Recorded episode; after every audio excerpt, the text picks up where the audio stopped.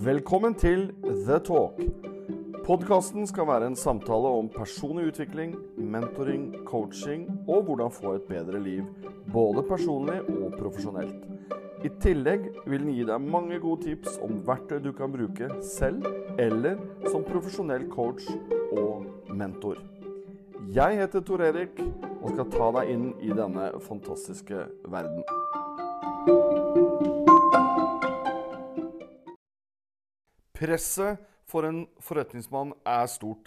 Det er mye som skjer, masse avtaler, masse ansatte, mye penger. Det å ty til alkohol er lett. For å senke skuldrene, for å slappe av. Og det gjorde min neste gjest også. Det endte på taket av et høyt hus hvor han ville hoppe og ta sitt eget liv. Han fikk heldigvis ikke hoppa, men det endte i en arrestasjon og fengsling for drapsforsøk på offentlig tjenestemann, altså en politimann. Hør hans versjon, og ikke minst hvordan han jobbet seg ut av det, og jobber hver eneste dag for å ikke dette tilbake. Denne episoden blir tøff. For nå har jeg fått besøk av en forretningsmann som gikk fra topp til bunn, bokstavelig talt. Alkohol ble et middel for å dempe alt, og dette kulminerte på toppen av et hotell, på taket, hvor han skulle hoppe og ta livet sitt. Um, vi har valgt at uh, personen skal være hemmelig, så jeg kaller deg for Ola Nordmann. Det er jo et veldig greit navn å, å bruke. Uh, og man kan vel si at du var, du var um, forretningsmannen som var glad i alkohol. Og så blei det mer og mer alkohol. Mm. Så tenker jeg det, det, var en For vi har kjent hverandre i en del år. Og så var det en hendelse hvor du Fordi at du, du hadde mange ulike ting du eide. Og så var du på en runde, skulle ut og hente noe penger, noe leie eller et eller annet sånt, eh, på et sted hvor du rett og slett blei tatt til fange. Ja. Og lost inne eh, på et eh, et rom med en som ikke hadde de beste ønsker for deg. Hva, hva, hva skjedde der? Det var jo en sak eh, eh, Forresten, takk for invitasjonen, eh, Tor Erik. Det er jo eh, en av de tingene å greie å snakke om disse tingene så mange år eh, i ettertid. Men den saken du refererer til, handla jo om at jeg skulle jo snakke med kunden og høre når de hadde tenkt oss å gjøre opp regninga si. Og uh, vi inn på kontoret på bakrommet. Og der gikk jo daglig leder ut, og inn kom to bodybuildere isteden. Så i en halvannen til to timer så ble jeg holdt fanget hvor de brukte hammer på fingre, knær og føttene mine. Eh, så det var jo en ganske traumatisk opplevelse. Etter hvert så signerte jeg et uh, falskt gjeldsbrev som de hadde designa for å komme meg ut herfra. da. Mm. Og kjørte til, uh, rett til politiet og svima av i resesjonen der, og de kjørte meg til sykehuset. Så da var det en lengre periode da, med psykologer og, og bistand i så henseende. Vil du si at det var på en måte et turning point? Oi eh, ja, Mange samtaler med psykologer om, eh,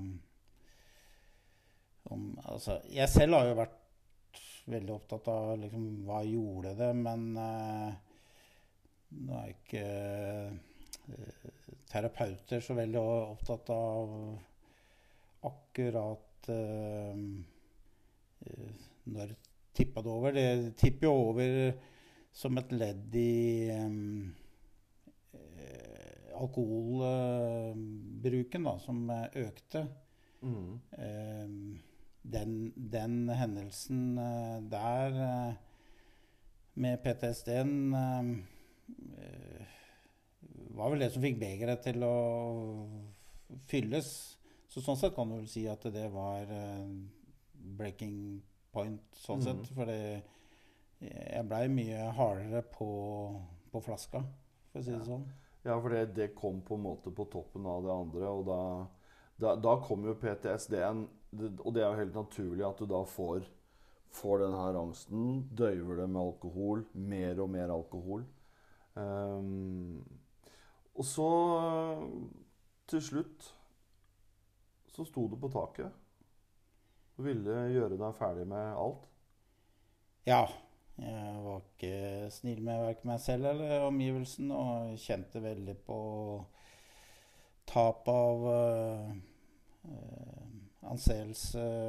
Hadde ikke respekt for meg selv i noen særlig grad. Um, så det Når man drikker for mye, mister uh, gangsynet, som uh, sier på godt norsk, så var jeg ganske nedkjørt, ja. Så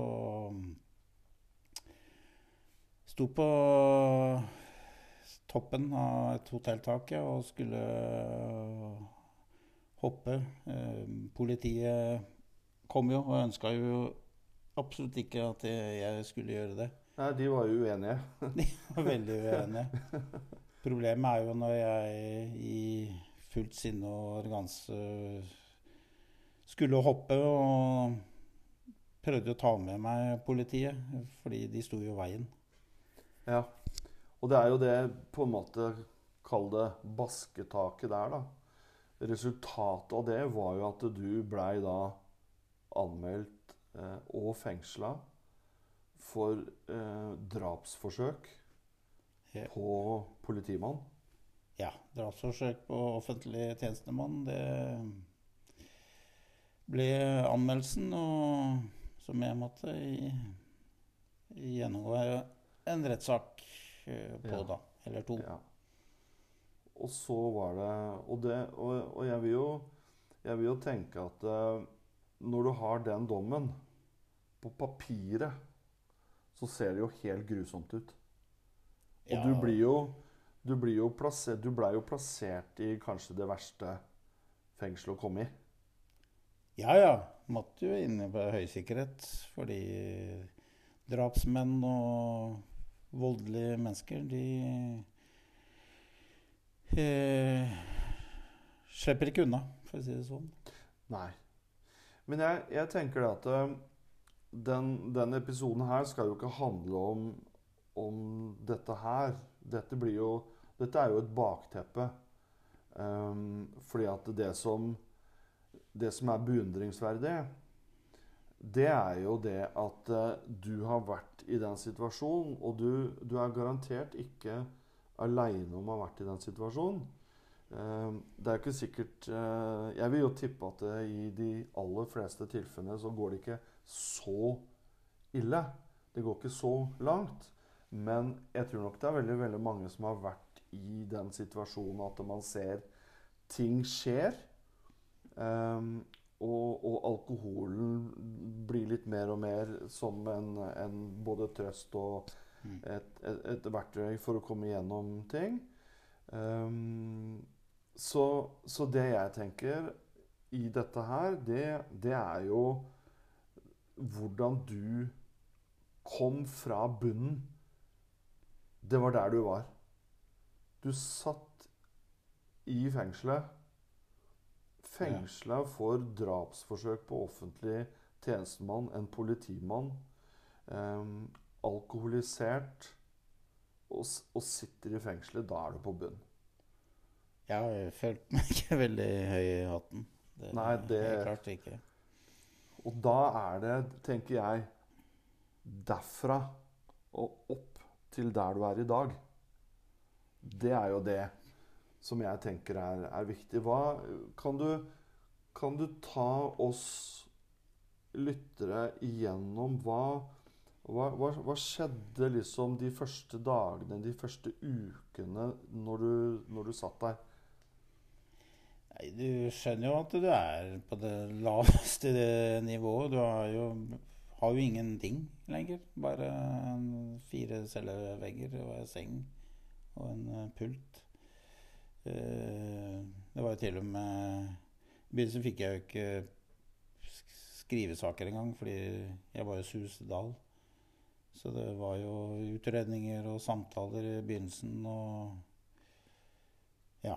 Eh, vurdering om tvangsinnleggelser og Så mm, Nei, jeg må bare begynne på nytt. Eh, Det var jo Samtalen handla jo om å gå tilbake i barndommen. Hva er problemene? Dette med arv og miljø. Eh, Man får jo kunnskaper eh, gjennom eh, helsepersonell, da. eh, Som setter ting i perspektiv. Så det å ha en samtalepartner var jo selvfølgelig helt vitalt og viktig for min del. Eh, sortert eh, ut ting, eh, hva som er knytta til eh, vold i hjemmet, prestasjonskulturer Hvordan jeg brukte alkohol da, for å rømme fra virkeligheten. Mm. Det er jo Jeg har jo ikke hatt med meg verdens beste grunnlag for å håndtere stress og motgang eh, i livet. Det er jo kjipt å måtte erkjenne det, men eh, jeg måtte jo bare ja, gjøre som første trinn eh, i, eh, i eh, tolvtrinnsmodellen, i eh, AA-modellen. Som handler om å bare erkjenne at jeg har et problem. Mm. At jeg er maktesløs eh, sånn sett overfor alkoholen. Hvordan, hvordan var det å anerkjenne For jeg vil tippe at det er kanskje Det må jo være starten, men det må også kanskje være veldig, veldig vanskelig det der å anerkjenne problemet og, og på en måte ta inn over seg at en har havna der en har havna pga. det problemet. Ja, jeg hadde jo olympiske medaljer i benektelser og var jo verdensmester og skulle fikse alt sjøl og så, så det der å bare underkaste seg ja, et eh, system, da. Så det var jo Men når du også blir fengsla på den måten, så jeg hadde jo ikke noe valg. eh, Og det er klart, de spiller jo ball på en god måte med meg, da, disse terapeutene. Så det å få en forståelse for at eh, ja, er jeg ydmyk, eh, tar læring og vil en annen vei enn å fortsette å være arrogant og sjølgod. Så jeg måtte jo bare kaste hele den holdningen på sjøen. Ja, for du var litt uh, stridig i starten, eller? Ja. Det er eh, både Leser man tidligere um, uttalelser fra tiden min i Forsvaret, og når jeg hører etter hva nære venner eh, sier om at jeg kan være brysk og arrogant og bestemt. Så det handler om å bruke det på en god måte, da, og ikke på en sjølgod måte, som jeg hadde gjort i veldig, veldig mange år. da.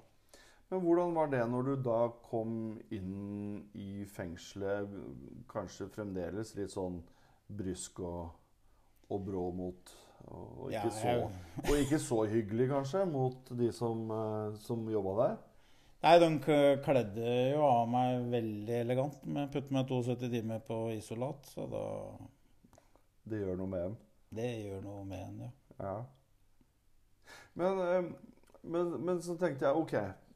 72 timer på isolat gjør noe med en, og, og man kommer ut Man får jo man får jo veldig god tid, da, plutselig, til å tenke veldig mye.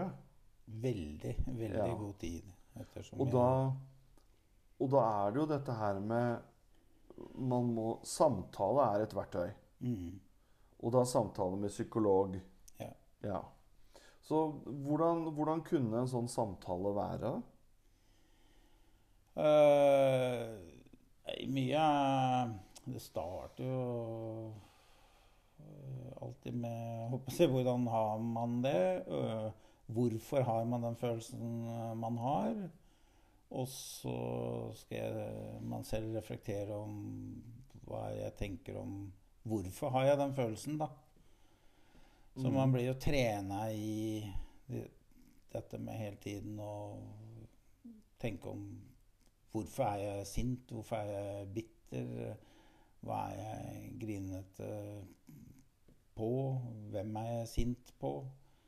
Og så mm, kobler jo terapeuten på eh, noen eh, modeller, da. Eh, Mm. Så da får jeg en liten leksjon i litt sånn teori. Når det gjelder slik og sånn problemer, så er det eh, kjent forskning som viser at, og så blir man predikert Sånn som i mitt tilfelle, da, så var det jo veldig mye å hele tiden jobbe med alternative tankebaner, da. Eller Brøset-modellen som eh, Brødsettmetoden.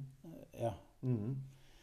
Hva, kan, hva kan være et eksempel på brødsettmetoden? Altså, du kalte den også alternative tankemetoder. Eh, har du noe sånn konkret eksempel Jeg tenkte de tankene. Alternativ tankemetode var da, eller måtte da, bli noe som det her, f.eks. Ja, altså det er jo øh, Altså hva er det som eh, gjør deg sint, og hva er alternativet? For å ikke Mm. være sint, så skal man eh, være opptatt av de tingene man kan gjøre noe med, da. Det Ja. er, man hører stadig med altså ikke bruk energi på ting du ikke kan øh, gjøre, så øh, Jeg er jo er jo helt ferdig med å la meg irritere av at det regner og at sola ikke skinner, fordi det å glede meg over fint vær, det Ja vel, so what? Det været er jo der. Du blitt, eh, og det, tror jeg, det tenker jeg er noe veldig mange bør eh, ta til seg, dette her med alternative tankemetoder. For eh, vi, vi er litt opptatt av ting som egentlig ikke har noe å si. Ja. Tankebaner. Tankebaner, Ja, metoden metoden er å tenke i andre baner, da. Ja. det Så, eh, Ja. Trekke pusten eh, i deg selv eh, tre, fem, syv, ti sekunder. Litt avhengig av hvor sint du er. Mm. Så jo kortere jeg greier å få den der eh, naturlige pausen til å være, jo mer er jeg inn i teknikken, da. Mm. For til å ikke klikke for Ja, nå er jo dette seks år siden, så jeg er jo i mitt sjette år uten, uten alkohol, så eh, jeg kjenner og får i hvert fall feedback fra ektefelle om at eh, jeg er blitt roligere. Ja, selv min sønn sa jo senest i helga om at eh, det er så deilig å se hvor roligere du er blitt. Det kan jeg jo bekrefte. At du har blitt mye roligere. Og er rolig. Så jeg ser jo det at eh, det verktøyet der, det sitter. Mm. Det, det har du jobba med, og det, det sitter igjen, liksom. Og det, det er jo utrolig bra. For det, blir, det er jo som du sa, det er jo, det er jo en tankebane. Og når du da åpner det som en bane, så blir det veldig ofte det du, det du begynner med oppi hodet. Mm. Eh, Fordi det å forstå altså Sinne det er jo den tankespinnmønsteret. Man spinner på en, eh, en ondskap, en negativ eh, spiral. Og så dramatiserer man mer og mer. Så kunsten er å få en, et alternativt tankesett hvor det handler om at eh, ja, men jeg skal ikke gå inn i det der hvor jeg skal dramatisere. Jeg trenger ikke å lage problemet større enn det det er, da. Og jo mer tenker over det når jeg møter andre som jeg kan observere er sinte, da, så handler det jo bare om at de, de kaster bensin på bålet gjennom å gi seg selv nye grunner til hvorfor de skal være sint, istedenfor å gi seg selv en grunn til hva skal være løsningen. Ja, det, det er ganske morsomt at du sa akkurat det. For det er jo det man ser ofte. Hvis det er noen som du, du skjønner at de begynner Nå, nå begynner de. Nå begynner det å, å tette seg her. Og, og, så kommer ene argumentet etter den andre i samme bane. Og så blir de bare mer og mer og mer, mer hissig. Med det å kunne sneppe ut og, og begynne å tenke andre baner må være utrolig, utrolig viktig verktøy. Ja, Det handla jo da som terapeut om nå skal vi bygge ny ryggmargsrefleks eh, hos deg. Mm. Eh, og da var det hele tiden uh, Når de ville provosere meg, og, og, og, spesielt da i fellesmøter, AA-møtene, så har jo disse veldig innsikt i hver og en sine utfordringer. Mm. Så da var de veldig på da, og snakket OK, hvilken løsning har du på mm. det? Nå kjenner vi at du blir veldig sint. Så man får jo utpekt en sånn eh, kontaktbetjent da, i, i fengselet som skal kjenne deg litt ekstra. og De går jo inn i papirene dine. så de er jo... Og så blir det en type samtalepartner, da? Ja, eller? blir en ny mm. samtalepartner. For det er jo den eneste personen du har mye kontakt med mm. Mm, utover dine medfanger sånn sett, da. Mm. Men uh, det, er jo, det, er jo, kanskje ikke de beste for å, for å uh, få alternative tankebaner og, og, snakke med medfanger. Nei, men da var det viktig for meg, for meg å finne nytteverdi, da, siden jeg var greit skolert, i motsetning til veldig mange andre. Så, så fikk jeg jo mulighet til å, og lov til å være betjent etter hvert. da, Så kom jeg inn på cellene det andre hvis man ble invitert, og hjelpe med For noen eh, gikk jo Så tok jo grunnskolefag på nytt og sånn, da. Mm. Så med min artium så kunne jeg fint være sånn leksehjelper. Ja, for det, det, er jo Du kom jo inn som en, eh, en relativt høyt utdanna person. Ja. Og, og, du fikk jo et kallenavn i fengselet? Ja da. Det var jo, det var jo hyggelig å bli kalt uh, professoren. Uh, selv om jeg er langt unna å ha noen professortittel. Ja, sånn, sånn, teoretisk så, så, har du overhodet ikke en, en professortittel. Ingen doktortitler og Nei, ikke det, fullført uh, Men det var, jo det, de, det var jo det de tenkte, da. For de, du blei jo en person de kunne søke hjelp til. Ja. Hadde det noe Vi, vi snakka i starten om det der med anerkjennelse av problemet anerkjennelse av situasjonen, anerkjennelse av å være her og nå, eller der er jeg nå. Hadde det der noe å, si på din, din, vei ut, eller hjalp det da noe? Det at du ja, ja, ja. så at du kunne hjelpe andre? Ja, ja, absolutt. Absolutt. For det var jo Ja, i disse terapeutiske øyeblikkene så vil jo de Ok, hva skal til da for at du skal føle glede av å leve igjen? Og da var jo et av disse punktene kjenne på nytteverdi. For jeg hadde jo gitt mm. opp uh, mitt eget liv da, fordi jeg følte meg nyttesløs. Mm. Og da var jo det en del av eh, feedbacken til kriminalomsorgen om at uh, det er viktig jeg får trene på det å være til nytte for andre. Så det der å få lov til å være privatlærer og, så uten at det ble sett på negativt. Så, og jeg er jo trena i og, og, glad i skjemaer og har jo ikke noe problem med å fylle ut skjemaer. Mens andre blir forbanna på systemet pga. systemer, så syns jeg det er en bra ting, da. Så der igjen, gå til professoren for å få fylt ut skjema. Mm. Så jeg hjelper folk med å søke om uh, støtte Eh, permisjoner, argumentasjoner, henviste til lover. For jeg var jo hos biblioteket og tok jo ut masse Ja, jeg leste jo lovverket fra perm til perm i forhold til det å sitte inne og sånne ting. Da. Så jeg lærte jo om hvilke rettigheter vi hadde da, til mm. fengselets store frustrasjon. Plutselig ble det sånn masseproduksjon av søknader. Så De, fengselet i seg sjøl også merka at nå har vi fått inn en som, som, som kan litt. kan litt, ja. Så Nei, jeg vil, jo, jeg vil jo tippe at det var utrolig viktig for deg. Ja. veldig, Veldig, veldig. For, å, for å bygge deg opp. Ja. Og endelig være til nytte igjen. Men det interessante her i forhold til det med ikke sant, igjen alternative tankebaner så Når gutta kom og fikk eh, avslag, da, nei, så OK, jeg skulle ikke være forbanna over det avslaget, for det var, det var ikke min skyld. Nei. Så det også ble en del av treningen. Så jeg tok med meg eh, søknad og avslag eh, til psykologen. Mm. Og, og brukte det da, som trening i forhold til OK, hva var viktig for deg i prosessen? da? Så jeg skulle ha fokus på prosessen, det gode i prosessen, ikke resultatet. Ja.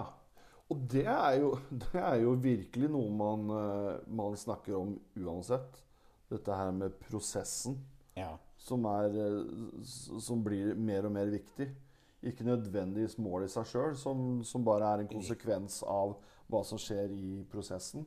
Helt klart, helt klart. Fordi fra gammelt av jeg var så opptatt av resultater og jage mål og, og oppnå ting. Men eh, nå skal jeg elske og, glede meg over at jeg, var etterrettelig, jeg var god i selve prosessen eh, og fikk anerkjennelse fordi at jeg hadde gjort en god jobb. Men eh, jeg kunne ikke styre utfallet. fordi hvis kriminalomsorgen bestemte seg for at den mannen skal ikke ut på permisjon, så ville det uansett hvor bra den søknaden var skrevet Så Ja. det ble faktisk Selv om jeg ja, Avdelingslederen var jo veldig sånn uh, Må ikke komme her og komme her, og må ikke tro du skal få den til at uh, vi, vi var enige om da, at han skulle uh, jeg Jeg vet ikke hvor mye han har snakka med terapeuten, men eh, på et tidspunkt så kom i hvert fall han tilbake og sa at eh, Flott, jeg ser det er du som har skrevet denne søknaden. eh, Og, og det var faktisk eh, bra gjort. Og han kunne komme og si til meg at eh, det var bra gjort, men eh, vi kan ikke innvilge pga. Ikke sant? For det er andre ting som ja, betyr noe sånne Ja. ting, da. Så på et vis så tror jeg at de hadde en plan med å bygge meg opp mentalt da, om at eh, jeg, Det var jo ikke noe feil med det å være flink og god, men jeg skulle ikke jakte resultatene, da. Måtte- Ja, der du begynte å Du begynte å kjenne den igjen. Jakte Ja, for initielt, eller i begynnelsen, så merka de at jeg sparka i veggen og var forbanna på sammen med gutta da, som fikk nei. Ikke sant? Og liksom Det var min måte å få aksept hos gutta at jeg var Men øh, Ja, vi har gjort alt vi kan, men det er dem som er Det drittsekkene. Jeg skulle ikke ja. ha så fokus på at de var the bad guys, da. Så igjen alternativ eh, tankebaner.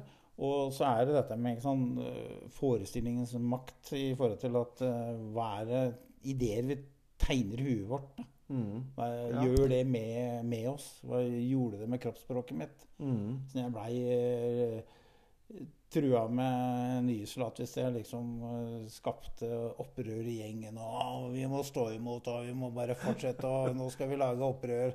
Så bare å forklare gutta da, at nå har vi gjort alt vi skal, og vi har vært flinke på å følge prosesser og lover og regler. Det er ikke alltid vi styrer utfallet, da. Jeg vil, jo, jeg vil jo tippe at eh, de medfangene også samtidig kanskje òg lærte noe. At uh, gjør man det ordentlig, så kan du få et bra resultat. Men, Ja. men gjør man det ordentlig, så er det ikke alltid det blir det resultatet du vil. Men da har du i hvert fall en, en god forklaring på hvorfor ikke det blei akkurat sånn. Ja.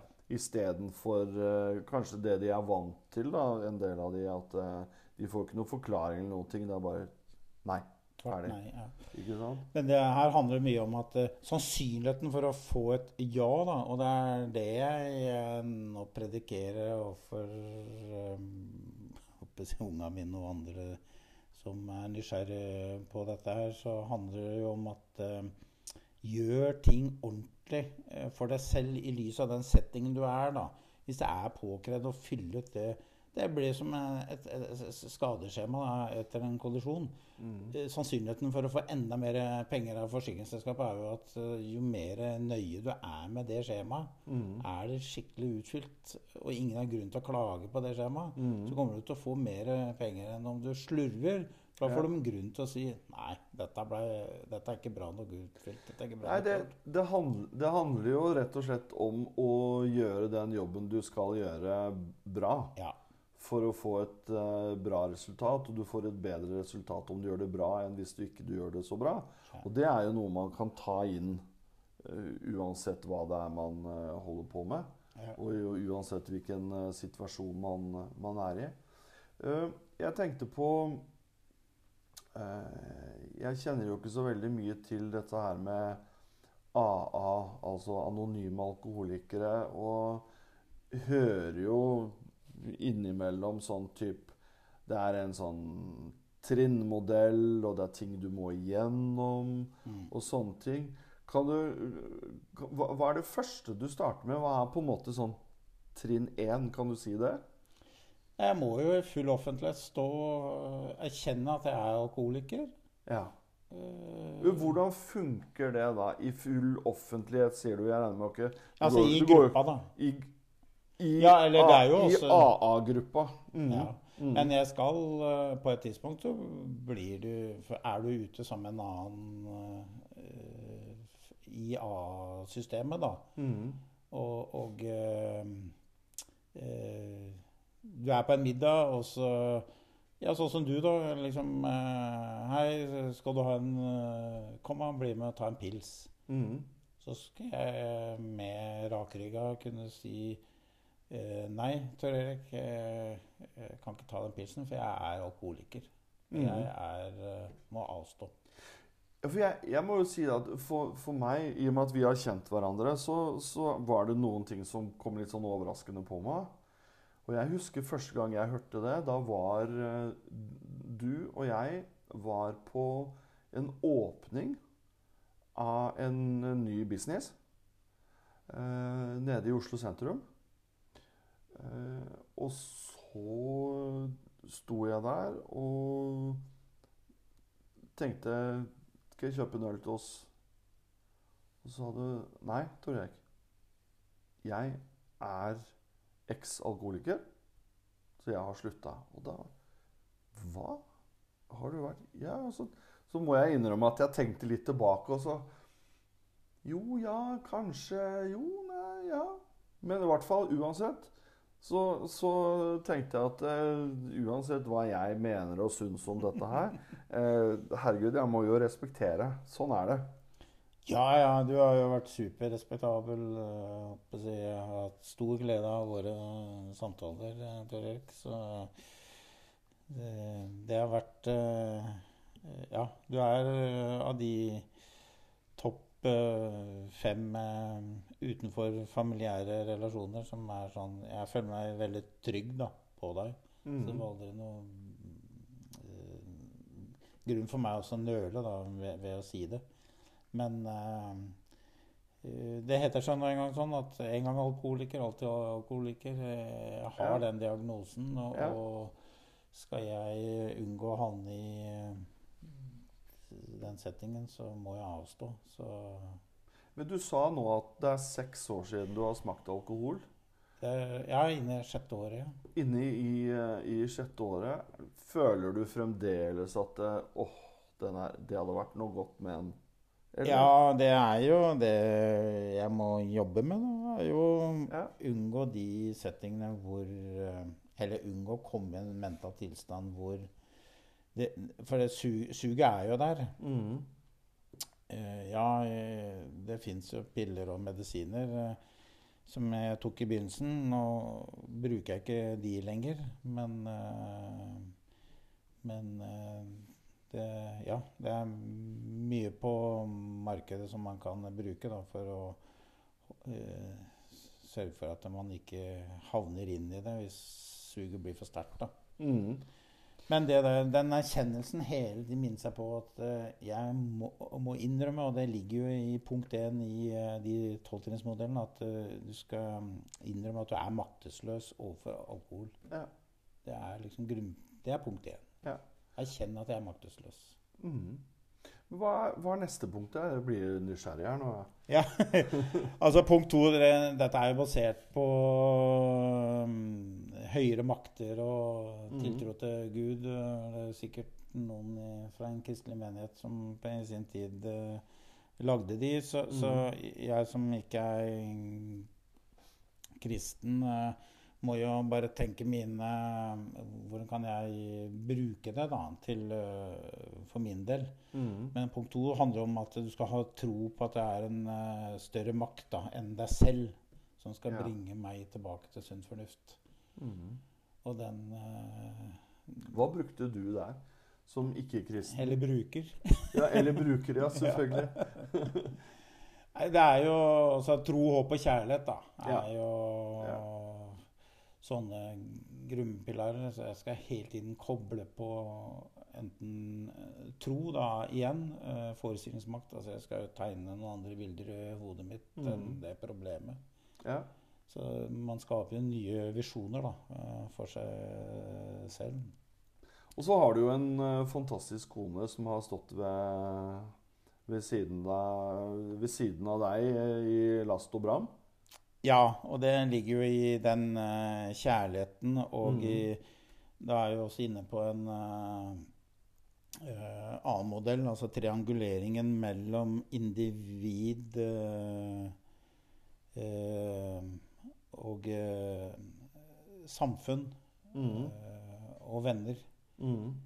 Så handler det om også å ha mennesker da, innafor Altså individet handler da om mine egne tanker. Eh, venner slash familie. Eh, da kone, at jeg er trygge forhold. Også samfunn handler om å da være i, i nettverk om AA-grupper, IOGT. Eh, treffe sånn som deg i forhold til eh, mentoring eh, og de tingene. Så da være steder da, hvor det er, skapes eh, gode vibber. Ja, for det, det, det vil jeg jo si det. Vi, vi har jo hatt eh, mange samtaler. Og jeg, vil jo si det at det er, det er veldig mange sånn spennende samtaler. Da, for det er jo ikke, det er jo ikke en Hva skal en si? Det er jo ikke tradisjonelle uh, problemstillinger du kommer med. Det er jo ting som er, er ganske um, ja, noen ganger kontroverser, men de er i hvert fall ikke så normale, da. Så jeg også tenker, jeg også må liksom bruke mye sånn hmm, Jeg også må tenke mye. Og jeg syns for min egen del en veldig god sånn refleksjonsgreie etter å ha snakka med deg. Eh, fordi at eh, du, du har et syn på ting, da. Så hvor kanskje ikke jeg har akkurat det samme. Og så, så på en måte utfordrer du meg også.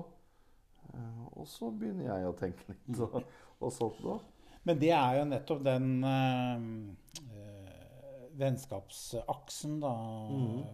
Som da er viktig for min del, da, som jeg eh, kobler et mye sterkere kalle personlig behov for. da. Fordi mm. det er viktig for meg å ha den i worst case som en livslinje. Mm.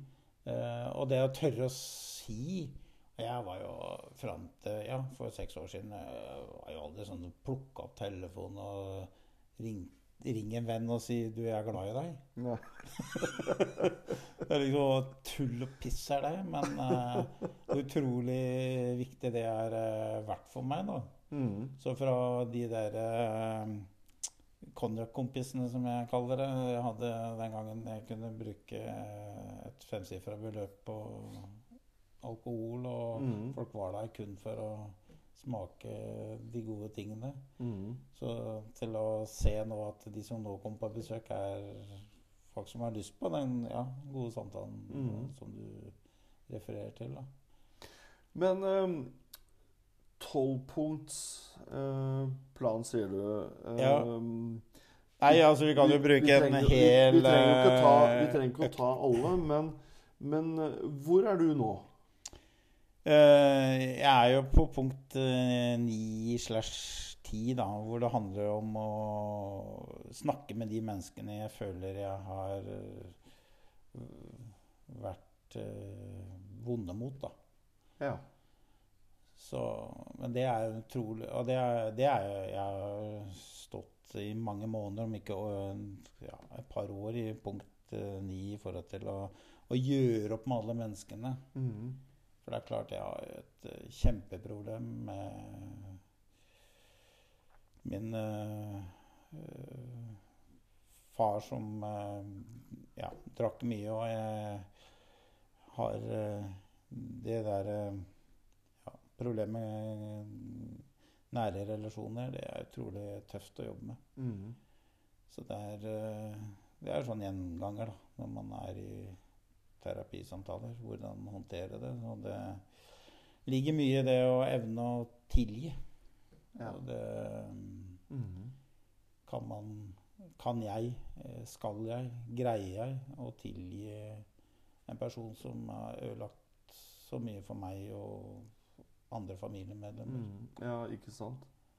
Eh, Fy søren, det er, eh, det er tøffe, tøffe samtaler. Ja, når du ikke har snakka med din far på 15-16 år, så mm. Jeg vil tippe at veldig mange bruker veldig mye tid på, på det punktet.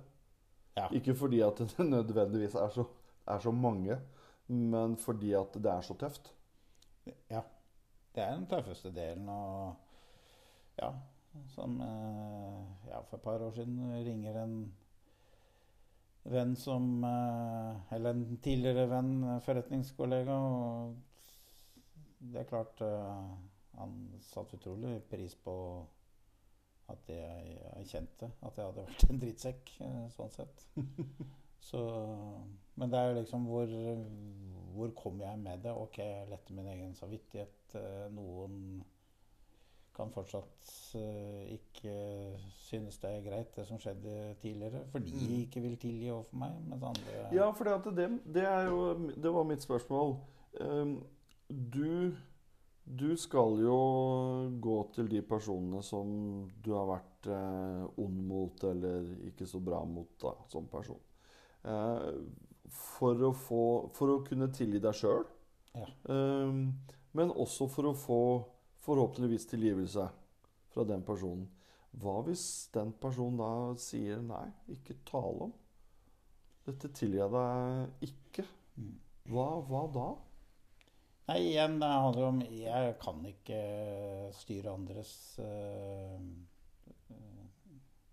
meninger, da. Annet enn uh, Jeg må gi dem min kjærlighet. Jeg Mhm. må på ekte vis bare fortelle at jeg vet jeg sa dumme ting, gjorde dumme ting. Ehm, og eh, bare forklare hva jeg har vært oppi, og at jeg nå har et annet syn på livet, annet syn på eh, den relasjonen. Og eh, noen takker ja da til å være med på en gåtur i marka, og andre sier nei takk. Så Mhm. jeg må jo bare respektere at noen aldri mer vil eh, Jeg har brent en bro, og den Mhm. kan ikke gjenskapes. Andre, andre broer kan eh, bygges, da. Ja. Ja, men det er jo det at du har Du har i hvert fall åpna opp Hva skal en kalle det? Du har åpna din kjærlighet Ja. til den personen, og så er det opp til han eller hun å ta imot. Ja. Og så må man akseptere det resultatet, Ja. tenker jeg. Mhm. Og det er det som ligger i eh, punkt 9 og 10. Det handler om eh, den, den selvransakelsen og aksepten. da. Å Mhm. kjenne på den smerten som mm. det ligger i å igjen anerkjenne at jeg er maktesløs overfor både alkoholen og Mhm. Jeg må være prisgi at du fortsatt vil ha meg som en uh, venn, da. Eller den, mm. den personen. Mm. Så det er uh, Ja, det er et av de punktene eh, som jeg erfarer da, flest står i. Å lage den lista over 10, 20, 50, 100 navn Ja. som man har lyst til å ringe og si sorry til. ja, for det kan, det kan jo være en veldig stor liste også. Ja, i hvert fall for min del som har møtt mye mennesker, så, så blir det litt sånn OK, nå, nå oppsøker jeg et miljø, og der møter du et par-tre, Mm. og så er det jo bare igjen være åpen. At Ja. nå er jeg nykter eh, på sjette året. eh, Mm. Er i en prosess og stadig erkjenne hvilket problem eh, jeg har hatt. Mhm.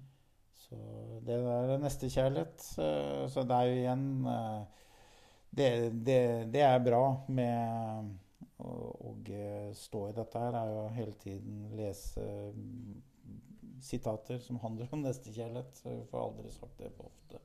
Er du stolt av deg sjøl? Nå, nå, nå tenker jeg på jeg, jeg skjønte at dette blei ble et litt vanskelig spørsmål. Eh, Jeg tenker på selvfølgelig etter. eh, Ut, basert ut ifra hva du har stått i, og hvor du er nå. Er du stolt av hva du har fått til? Ja, øhm, ja det, det er jeg. Og jeg øhm, Psykologen hadde et fint bilde på det i forhold til at uh, prøvde å beskrive seg selv på en tilsvarende måte som en situasjon jeg har vært i. Og han spurte uh, er du stolt av hva jeg har fått til. spurte han meg om. da. Mm. Ja, jeg syns du har fått til utrolig mye. Ja, men uh, kjære uh, Det er jo deg jeg nå beskrev. Jeg, jeg var deg når jeg sa det. Mm. Mm. Så han speila jo min historie. Ikke sant? Så det der å På samme måten som man skal erkjenne i punkt én at man er maktesløs overfor alkohol, så skal man også anerkjenne seg selv for de eh, stegene man tar, og, og det jeg har fått til. Så at jeg nå på eh, sjette året er gift med samme damen og, og har god kontakt med, med min sønn, så, så er jo det ting som jeg har oppnådd, som mm. uh, andre ikke får til. Som eh, må dessverre uh, forlate sine kjære av ulike grunner og, og kanskje ikke makter dem. Og mange faller tilbake da, til, til flaska. Så mm. for meg er hver dag uten alkohol en ny seier. Mm. Og det handler om å ville og tørre. Og, og jeg skal feire de seirene, for det er viktig for meg mm. å være uh, uten den alkoholen. For det, det har skapt så mye faenskap for meg at jeg kan Mm. ikke gå tilbake til det. Og tapte penger. Ja, og ikke La oss ikke snakke om det. Nei, det Nei, det blir, jo, det blir jo naturlig, ikke sant? Ikke bare penger som gikk til de konkrete tinga, men, men tapte Ja, ting man kunne gjort, kontrakter man kunne hatt, osv., osv. ja. Men eh, det høres For meg så, så høres det ut som det er kanskje eh, Kanskje noen få ting som på en måte utpeker seg, da. eh, som, som viktig. Og det er eh, nære relasjoner. Mm. Ha de nære relasjonene. Om det er eh, selvfølgelig familie, venner.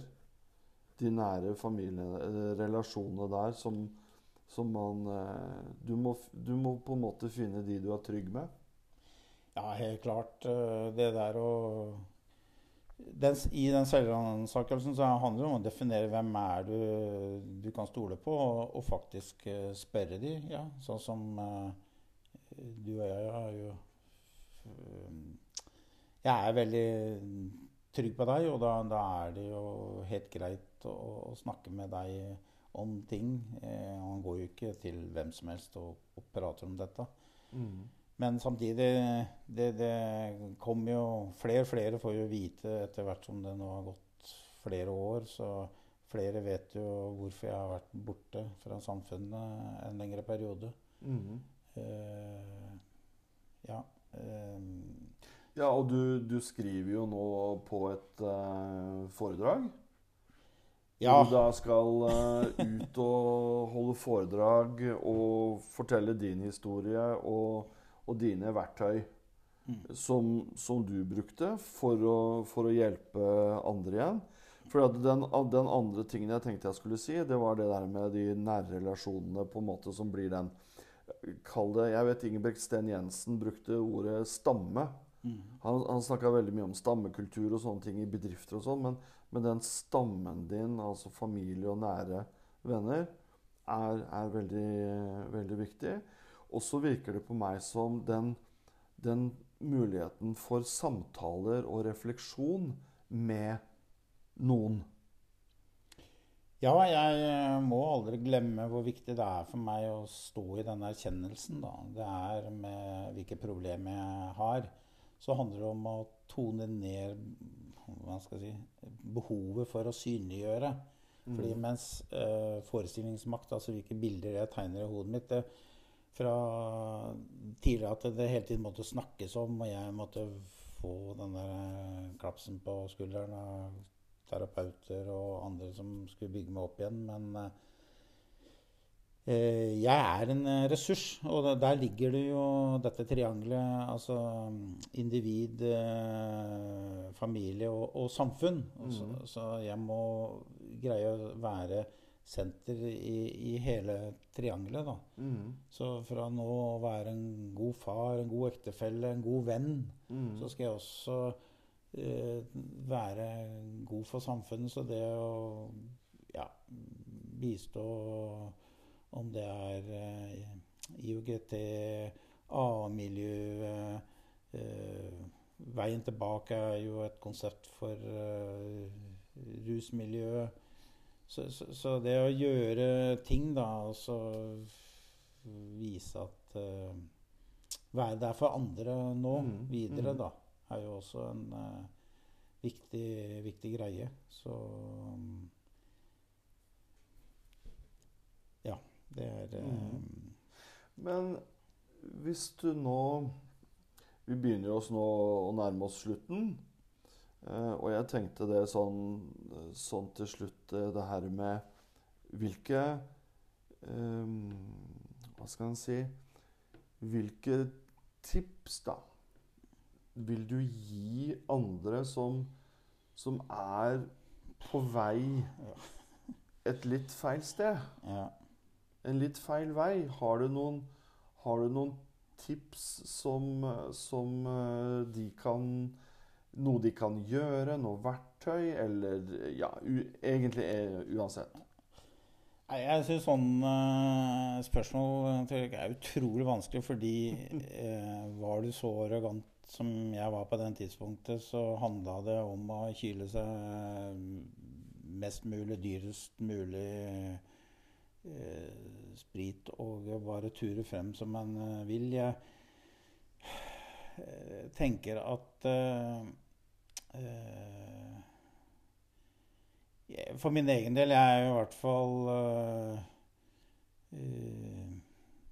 mer uredd da, i forhold til å plukke opp telefonen og ringe og høre åssen folk eh, eh, har det. Og eh, når jeg er nær på en situasjon, så er jeg mye tydeligere på å, å si Sånn som når jeg da er alkoholfri ute på tilstelninger og ser folk uh, blir uh, bråkjekke og sånn, så er det det å tørre å si 'nå skal du gå på rommet ditt'.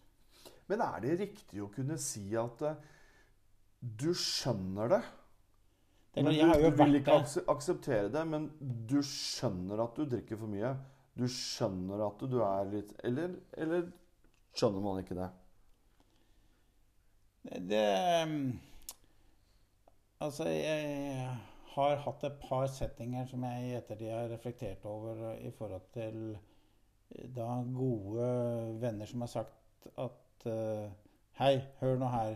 Hvis du ikke skjerper deg nå, så må jeg bare kutte deg ut. Eller jeg kan ikke komme til deg lenger hvis du skal holde på sånn. Mm. Uh, få I hvert fall for min del, når jeg har fått uh, tydelige beskjeder eh, om at Og det blir litt sånn altså Gode ekteskap det handler om hvis ektefellen sier at nå kutter du ut, du skal ikke gjøre de tingene. Nå må du gi deg. Um, det å gi de nære vennene dine da, en trygghet på at det er greit å være åpen og direkte. Mm. Uh, I litt uh, er det mm, vennskap som ryker, er det ekteskap som eh, ryker, så tenker jeg at det er mangel på dialog. Da. Det er mangel på tydelig eh, budskap som eh, blir mistolka, som blir ignorert. Og det er jo den arrogansen som skapte et helvete for meg. Mm. Mm. Fordi jeg var så ja, Folk sier jeg var så sterk person. Mm. Folk var livredde meg fordi jeg var, var så sint. Mm. Men altså, sinnet handla bare om at skuffelsen over egen person eh, Småting som bare eskalerte. Men jeg tror at jo flere som anerkjenner hvor viktig den ubehagelige samtalen er, Mm.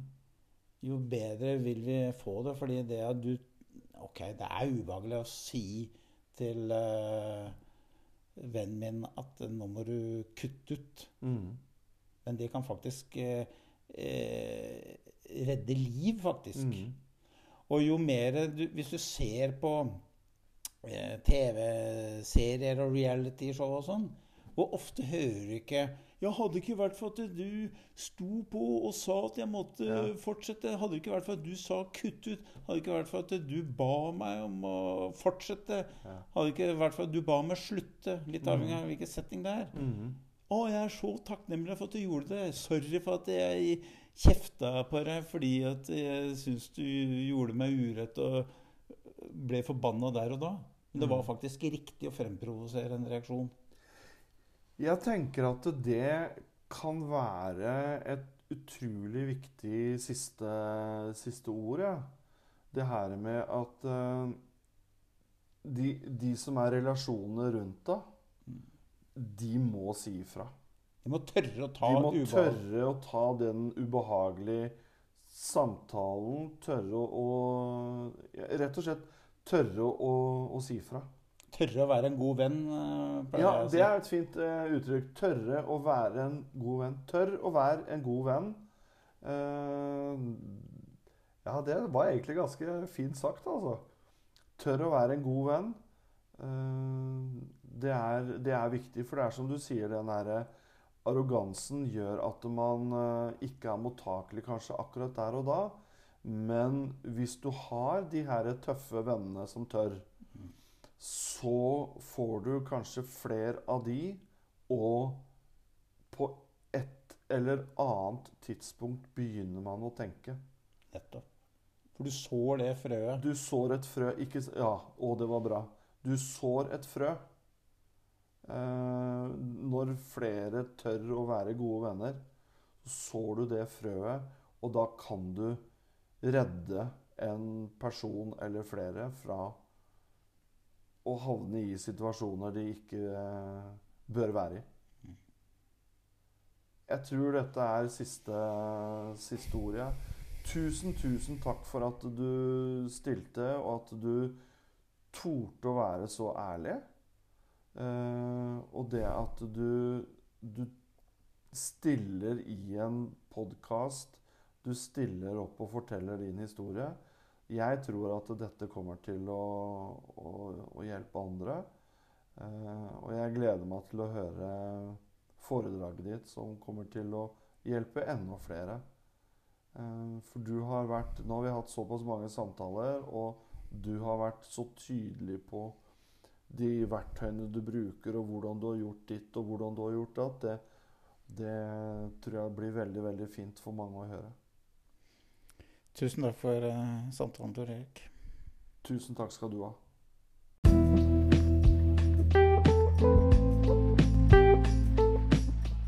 Jeg håper du likte denne episoden av The Talk. Så gå inn på Spotify eller hvor du hører på podkast, og klikk 'følger', så vil du få en eh, beskjed når neste episoder vil bli lagt ut. Så stay tuned når vi dukker videre innover i dette universet.